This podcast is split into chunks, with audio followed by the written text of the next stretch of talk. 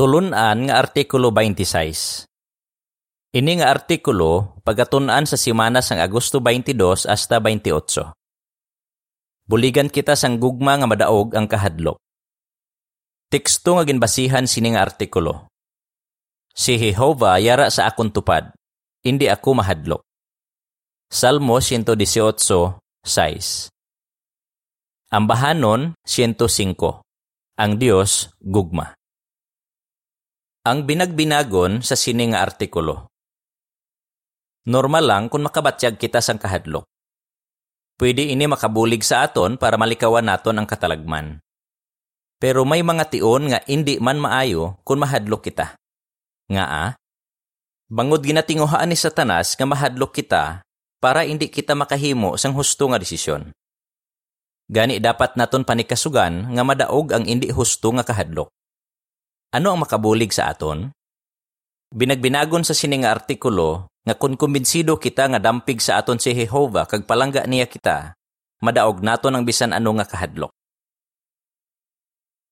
Para po uno, pamangkot. Ano ang pila sa kinaandan nga mga sitwasyon nga makabatyag kita sang kahadlok? Binagbinaga ini nga mga sitwasyon nga naeksperyensyahan sang pila ka alagad ni Jehovah. Gusto ni Nestor kag sang iya asawa nga si Maria nga mag-alagad sa lugar nga kinahanglan ang dugang nga manugbantala. Para mahimo ini, dapat sila maghimo sa mga pagbago sa ila kabuhi. Pero nahadlok sila nga basi hindi na sila mangin malipayon kung magkinot sila. Nagaistar si Binyam sa isa ka pungsod nga ginapamatukan ang hilikoton sang katawhan sang Dios. Gani sang nangin saksi ni Jehovah siya, kabalo siya nga posible nga hingabuton siya. Nahadlok siya hingabuton. Pero mas nahadlok siya sa mangin reaksyon sang iya pamilya kung mabalaan nila nga saksi na siya. Nabalaan di Valerie nga may malala siya nga kanser. Kag nabudlayan siya makakita sang doktor nga magarespeto sang iya desisyon nga nabasi sa Biblia parte sa dugo. Nahadlok siya nga basi mapatay siya. Para po dos, pamangkot. Nga dapat kita magpanikasog nga madaog ang aton kahadlok? Na-eksperyensyahan mo na bala ini nga kahadlok? Madamo sa aton ang naka-eksperyensya na sini. Kung hindi kita magpanikasog nga madaog ang aton kahadlok, posible nga makahimo kita sang hindi maayong nga mga desisyon. Bangod sini, posible pa gani nga magluya ang aton kaangtanan kay Jehovah. Amo ini ang gusto ni Satanas nga matabo sa aton. Ginatinghoan man niya nga mahadlok kita para hindi naton pagtumanon ang mga kasuguan ni Jehovah. Lakip sa sini ang sugo nga magbantala sang maayong balita. Malain gid si Satanas. Wala siya sing kaluoy, kagamhanan siya. Pero madaog naton siya. Paano? Para po tres, pamangkot. Ano ang makabulig sa aton para madaog naton ang aton kahadlok?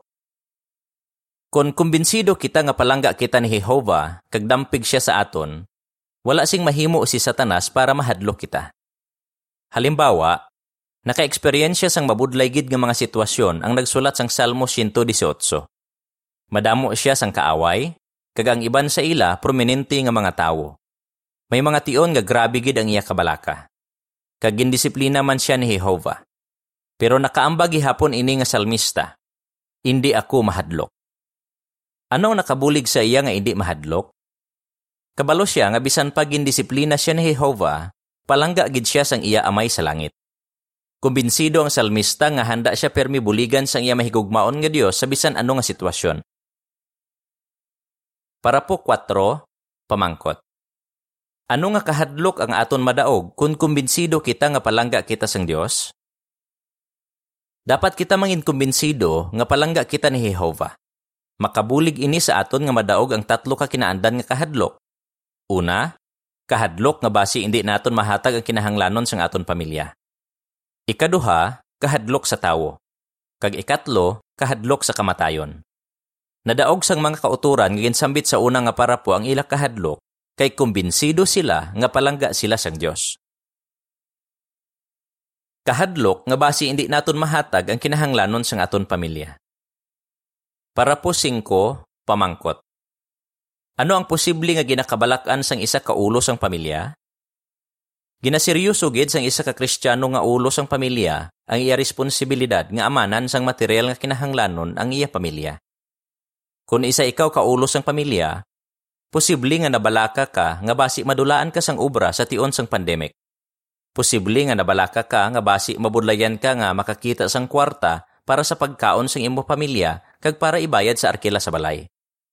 Posible nga nahadlo ka man nga kon madulaan ka sang obra, basi hindi ka makakita sang lain nga obra. O kon pareho kanday Nestor kag Maria nga ginsambit ka ina, basi nagapaminsar ka nga mabudlayan ka kon buhinan mo ang imo tion sa pag-obra. Bangod sini nga mga kabalaka, madamo ang napauntat ni Satanas sa pag-alagad kay Jehova. Ang caption sang picture sa cover nagasiling. Nagapangisda ang isa ka brother upod ang iya bata nga lalaki para amanan sang material nga kinahanglanon ang iya pamilya. Para po size, pamangkot. Ano ang ginatinguhaan ni Satanas nga patihan naton? Ginatinguhaan ni Satanas nga papatihon kita nga hindi kita palangga ni Jehova kag wala siya nagabulig sa aton para maatipan naton ang aton pamilya. Gani basi maguna-huna kita nga para hindi kita mapahalin sa aton obra, dapat naton himuon ang tanan bisan pamalapas naton ang mga prinsipyo sa Biblia. Para po 7, pamangkot. Ano ang ginapasalig ni Jesus sa aton? Si Jesus ang mas nakakilala sa iya amay. Gani ginapasalig niya kita nga nahibaluan sang aton Dios ang aton ginakinahanglan bisan wala pa kita makapangayo sa iya. Mateo 6.8 Kagkabalo si Jesus nga handa si Jehovah sa paghatag sang aton mga kinhanglanon. Bilang mga Kristiyano, miyembro kita sang pamilya sang Dios. Si Jehovah ang ulo sang aton pamilya. Gani makasigurado kita nga himuon gid niya ginsugo niya sa tanan nga ulo sang pamilya nga mabasa sa unang Timoteo 5.8. Para po 8, pamangkot sa A. Ano ang makabulig sa aton para madaog naton ang kahadlok nga basi hindi naton mahatag ang kinahanglanon sang aton pamilya? Pamangkot sa B, basi sa picture, paano naton mailog ang halimbawa sang mag-asawa nga nagadala sang pagkaon sa isa ka sister? Kung kumbinsido kita nga palangga kita ni Jehovah, kag palangga niya ang aton pamilya, hindi kita magaduha-duha nga mabato naton ang aton mga kinahanglanon. Ang Mateo 6:31 hasta 33 nagasiling. Gani, hindi gid kamo magkabalaka ka magsiling. Ano ang aton kaunon? O kon ano ang aton imnon? O kon ano ang aton isuksok? Kaya mo ini ang maukod nga ginahimud-usan sa mga pungsod. Nahibaluan sang inyo langit nun nga amay nga kinahanglan ninyo initanan. Gani padayon ninyo nga unahon ang pagpangita sa ginharian kag sa pagkamatarong sang Dios, kag initanan idugang sa inyo. Gusto ni Jehovah nga ihatag ang aton mga kinahanglanon. Mahigugmaon kag maaluwan gid niya ini nga ginahimo. Sang gintugan niya ang duta, ginhatag niya ang aton panguna nga mga kinahanglanon para mabuhi kita. Pero may ginhimo pagid siya. Madamo siya sang gintuga sa duta para malipay gid kita. Kun kaisa, igo-igo lang gid ang ara sa aton para sa aton mga kinahanglanon. Pero dapat kita magpasalamat nga nakatibawas kita kay ginapakita sini nga wala kita ginapabayan ni Jehova. Permi naton dumdumon nga labaw gid ang ginahatag sa aton ni Jehova kung ikumparar sa tanan kay ginasakripisyo naton subong. Kag sa palaabuton, hatagan niya kita sang kabuhi nga wala sing katapusan. Amo ini ang narealisar nanday Nestor kag Maria. Ari ang paatahag sa picture nga gingamit para sa parapuotso. Nagadala sang pagkaon ang isa ka mag-asawa para sa isa ka mapisan nga sister kag sa iya pamilya nga kaupod nila sa kongregasyon. Ang caption sini nga picture nagasiling. Siguraduhon ni Jehova nga mabaton naton ang aton mga kinahanglanon. Posible nga gamiton niya ang aton mga kauturan para buligan kita. Para po 9, pamangkot. Ano ang matun-an mo sa halimbawa ng Nestor kag Maria Maayo gid ang pangabuhi ng Nestor kag Maria sa Colombia. Ginhuna-huna namon nga pasimplihon ang amon kabuhi para madugangan ang amon ginahimo sa pag-alagad. Siling nila. Pero nahadlo kami nga basi hindi na kami mangin malipayon kung magkinot kami. Ano ang nakabulig sa ila para madaog ang ila kahadlok? Ginpamalandungan nila ang madamo nga paagi nga ginpakita ni Jehova nga palangga niya sila. Nangin kumbinsido sila nga tipanon gid sila ni Jehova. Gani nagresign sila sa ilang mga trabaho nga dako sing sweldo. Ginbaligya nila ang ilabalay kag nagsaylo sila sa isa ka lugar sa ila pungsod nga kinahanglan ang dugang nga manugbantala sang ginharian. Ano ang masiling nila parti sa ilaginhimo nga desisyon? Nagsiling si Nestor. Na-eksperyensyahan namon nga matuod gid ang ginasiling sang Mateo 6.33. Wala gid kami ginkulang sa amon material nga kinahanglanon. Kag mas malipayon kami subong. Kahadlok sa tawo. Para po Jess, pamangkot. Nga ay hindi nakita matingala kung nahadlok ang mga tao sa pareho nila nga tawo? Halin pa sang una, ginahalitan na sang tawo ang iya isig katawo. Halimbawa, ginaabusuhan sa mga tawo ang ila autoridad. Ginahalitan sa mga kriminal ang iban. Ginainsulto kag ginapahog sa mga bully ang ila mga classmate. Kag ginasakit pagani sang pila ka tawo ang ila pamilya.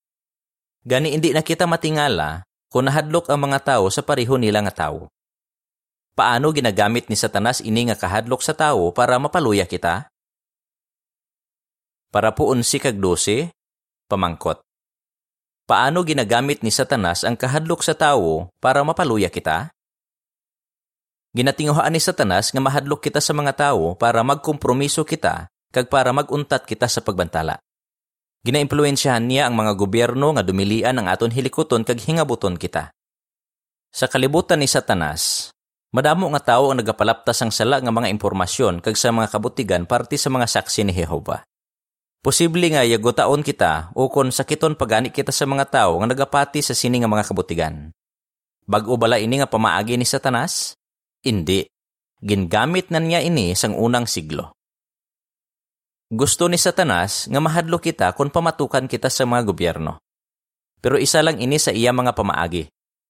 Nahadlok ang iban sa mangin reaksyon sang ila pamilya kung magsaksi sila. Kung kaisa, mas nahadlok sila sa sini sang sasakiton sila sa mga nagapanghingabot. Palangga gid nila ang ila mga paryente. Kagusto nila nga makilala sang ila mga paryente si Jehova kag palanggaon siya. Nasubuan sila kung mabatian nila nga ginapakalain sang ila mga paryente ang matuod nga Dios kag ang mga nagasimba sa iya. Pero may pila ka paryente nga nagapamatok sang primero ang nangin mga alagad ni Jehova sang ulihi. Pero ano abi kung sikwayon kita sang aton pamilya, bangod nangin saksi ni Jehova kita? Ano ang himuon naton?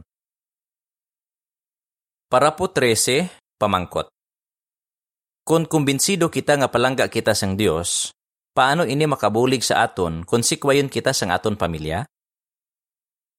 Mapaligon gid kita sang ginasiling sang Salmo 27:10. Ini nagasiling. Bisan pa bayaan ako sang akon amay kag sang akon iloy, si Jehova magasapupo sa akon. Kung dumdumo naton nga palangga gid kita ni Jehova, hindi kita mabalaka bisan pa si kwayon kita sang aton pamilya. Kag makasalig kita nga padyaan niya kita kung magbatas kita. Ihatag ni Jehova ang tanan naton nga kinahanglanon sa adlaw-adlaw. Buligan niya kita nga mangin malipayon, kag buligan niya kita nga mangin suod sa iya. Kag wala sing makalabaw sa iya sa paghimo sini. Amo ini ang naeksperyensyahan ni Binyam nga ginsambit ka ina. Para po 14, pamangkot. Ano ang matunan mo sa halimbawa ni Binyam? Nanginsaksi ni Jehova si Binyam bisan pa kabalo siya nga grabe ang paghingabot sang gobyerno sang ila pungsod sa mga saksi. Kabalo siya nga palangga siya ni Jehova. Binagbinaga kung paano ini nakabuli kay Binyam nga madaog ang kahadlok sa tawo. Grabe gid ang paghingabot, siling niya. Nahadlok ako nga hingabuton sang gobyerno, pero mas nahadlok ako nga pamatukan sang akon pamilya. Nahadlok ako nga basi maakig ang akon amay sa akon desisyon nga mangin isa ka saksi ni Jehova kag ikahuya ako sa akon pamilya. Pero kumbinsido si Binyam nga permi ginaatipan ni Jehova ang maginapalangga niya. Nagsiling si Binyam. Ginpamalandungan ko kung paano ginbuligan ni Jehova ang iban para mabatas nila ang kapigaduhon, pagpakanubo sa ila, kag pagsakit sa ila. Kabalo ako nga kung mangin matutom ako kay Jehova, pagkamaayuhon niya ako. Madamo nga bisis ako nga ginaresto kag ginsakit, pero napamatud-an ko nga permi kita ginabuligan ni Jehova kung mangin matutom kita sa iya. Para kay Binyam, matuod gid nga amay si Jehova, kag nangin pamilya gid niya ang katawhan ni Jehova. Ari ang paathag sa picture nga gingamit para sa parapudo si Esta 14. Hindi gusto sang maginikanan sang pamatanon nga brother nga mag-alagad siya kay Jehova, pero nagasalig siya nga buligan siya sang Dios. Ang caption sini nga picture nagasiling. Makasalig kita nga palangga kita ni Jehova bisan pa pamatukan kita sa aton pamilya. Kahadlok sa kamatayon. Para po kinsi, pamangkot. Nga normal lang nga mahadlok kita sa kamatayon? Suno sa Biblia, ang kamatayon isa ka kaaway. Posible nga nahadlok kita sa kamatayon kag ginapaminsar naton ini. Ilabi na kung may malala kita nga balatian o kung ang aton mga pinalangga. Nga nahadlok kita sa kamatayon? Bangod sang gintuga kita ni Jehova, ginhatagan niya kita sang handom nga mabuhi sing wala sing katapusan. Kung husto ang aton pagtamod sa kamatayon, makaamlig ini sa aton kabuhi. Halimbawa, mapaligon kita sini nga magkaon sang masustansya nga pagkaon ka mag-ehersisyo. Magpadoktor ka magtumar sang bulong kung nagamasakit kita, kay maghalong para malikawan ang peligro. Para po 16, pamangkot. Paano ginagamit ni Satanas ang aton normal nga kahadlok sa kamatayon? Kabalo si Satanas nga ginapabaloran gid naton ang aton kabuhi. Kay nagsiling siya nga isakripisyo naton ang tanan, bisan ang aton ka ang tanan kay Jehova, kun ara sa peligro ang aton kabuhi. Sa lagid si Satanas. Pero bangod may ikasarang siya sa pagpahanabo sing kamatayon, ginagamit niya ang aton normal nga kahadlok sa kamatayon para taliktan naton si Jehova. Hebreo 2:14 kag 15. May mga tion nga ginaimpluwensyahan niya ang pila ka tawo para pahugon ang mga alagad ni Jehova nga patyon nila sila kung hindi nila pag-isikway ang ila relihiyon. O kung sa tiyon nga kinahanglan naton magpabulong, kay ara sa peligro ang aton kabuhi, posible nga gamiton niya ini nga sitwasyon para magkompromiso kita. Posible nga piliton kita sang mga doktor o kung sang aton hindi saksi nga pamilya nga magpatughong sang dugo, bisan pa nagalapas ini sa kasuguan sang Dios. O kung posible nga may magtinguha nga magkumbinsi sa aton nga batunon ang iban pa nga paagi sang pagbulong nga nagalapas sa mga prinsipyo sa Biblia. Para po 17, pamangkot. Suno sa Roma 8.37 hasta 39, nga hindi kita dapat mahadlok sa kamatayon? Hindi naton gusto mapatay. Pero kabalo kita nga palangga kita gihapon ni Jehova bisan pa mapatay kita. Ang Roma 8.37 hasta 39 nagasiling. Apang nadaog naton initanan nga butang, paagi sa isa nga naghigugma sa aton. Kay kumbinsido ako nga bisan ang kamatayon, o kon ang kabuhi, o kon ang mga anghel, o kon ang mga panguluhan, ukon ang mga butang karon, ukon ang mga butang nga maabot, ukon ang mga kagamhanan, ukon ang kataason, ukon ang kadalumon, ukon ang iban pa nga tinuga, hindi makapugo nga mabaton naton ang gugma sang Dios nga ginapakita man ni Kristo Jesus nga aton Ginoo. Kung mapatay ang mga abyan ni Jehova, ginadumdum niya sila, nga daw pariho lang nga buhi sila gihapon. Gusto gid niya nga banhawon sila. Dako gid ang ginbayad ni Jehova para makatigayon kita sang kabuhi nga wala sing katapusan. Juan 3.16. Kabalo kita nga palangga gid kita ni Jehova kay nagaulikid gid siya sa aton. Gani sa baylo nga talikdan si Jehova kung nagamasakit kita o kung ginapahog kita nga patyon, dapat kita magdangop sa iya para paumpawan kita. Hatagan kita sang kaalam kag pabakuron kita. Amo gid ini ang ginhimo ni Valerie kag sang iya bana. Para po 18, pamangkot. Ano ang matun-an mo sa halimbawa ni Valerie Sang 35 anyos si Valerie, nabalan niya nga may malala siya nga kanser kag pilalang katao ang may amo sini nga kanser. Binagbinaga kung paano nakabulig ang gugma para madaog niya ang iya kahadlok sa kamatayon. Nagsiling siya. Sang nabalaan ko nga may kanser ako, grabe gid ang amon kakibot sang akon bana. Dapat ako operahan, kag hindi ini simple nga operasyon. Madamo nga doktor ang ginkadtuan ko, pero tanan sila hindi mag-opera kung hindi ako magpatughong sang dugo nahadlok gid ako.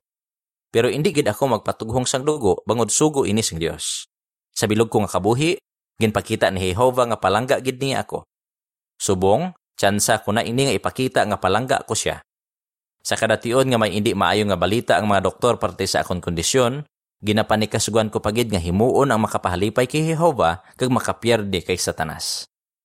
Sang ulihi, naoperahan gid man ako nga wala gintughungan sang dugo. Wala pa ako mag-ayo, pero ginahatag permi ni Jehova kinahanglan namon. Halimbawa, antis ko nabalaan nga may kanser ako, bag-ulang gin binagbinag sa meeting sang kongregasyon ang artikulo nga pag-atubang sing maisugon sa mga kabudlayan subong. Bangod sini nga artikulo, naumpawan gid kami. Sulit-sulit namon ini nga ginbasa. Bangod sang mga artikulo pareho sini kag sang padayon namon nga pagbantala kapag attend sa mga meeting, nangin kalmado kami kag nakahimo kami sang maayo nga mga desisyon. madaog naton ang aton kahadlok. Para po 19, pamangkot. Ano ang malapit na lang mamatabo? Paagi sa bulig ni Jehovah, nasarangan sa mga Kristiyano sa bilog nga kalibutan ang mabudlay nga mga sitwasyon kag napamatukan nila ang yawa. Mahimo mo man ini. Malapit na lang nga manduan ni Jehovah si Jesus kang iya kaupod nga mga manugahom nga gubon ang mga binuhatan sang yawa. Unang Juan 3.8 Pagkatapos sini, wala na sing kahadlukan ang katawan sang Dios nga nagaalagad sa iya sa duta. Isaya 54:14. Pero samtang wala pa ina nga tion, dapat kita magpanikasog nga madaog ang aton kahadlok. Para po 20, pamangkot. Ano ang makabulig sa aton para madaog naton ang aton kahadlok? Dapat padayon naton nga pabakuron ang aton pagsalig nga palangga ni Jehova ang iya mga alagad kag ginaamligan niya sila. Para mahimo naton ini, makabulig sa aton ang pagpamalandong kag ang pagsugid sa iban kung paano ginamligan ni Jehova ang iya mga alagad sang una. Kag dumdumon man naton kung paano niya kita ginabuligan kung maka-eksperyensya kita sang mabudlay nga mga sitwasyon. Paagi sa bulig ni Jehova, madaog naton ang aton kahadlok. Paano makabulig sa aton ang gugma para madaog naton ang aton kahadlok nga base hindi naton mahatag ang kinahanglanon sang aton pamilya? Kahadlok sa tawo? Kahadlok sa kamatayon? Ang bahanon 129. Padayon kita nga magbatas. Dire natapos ang artikulo.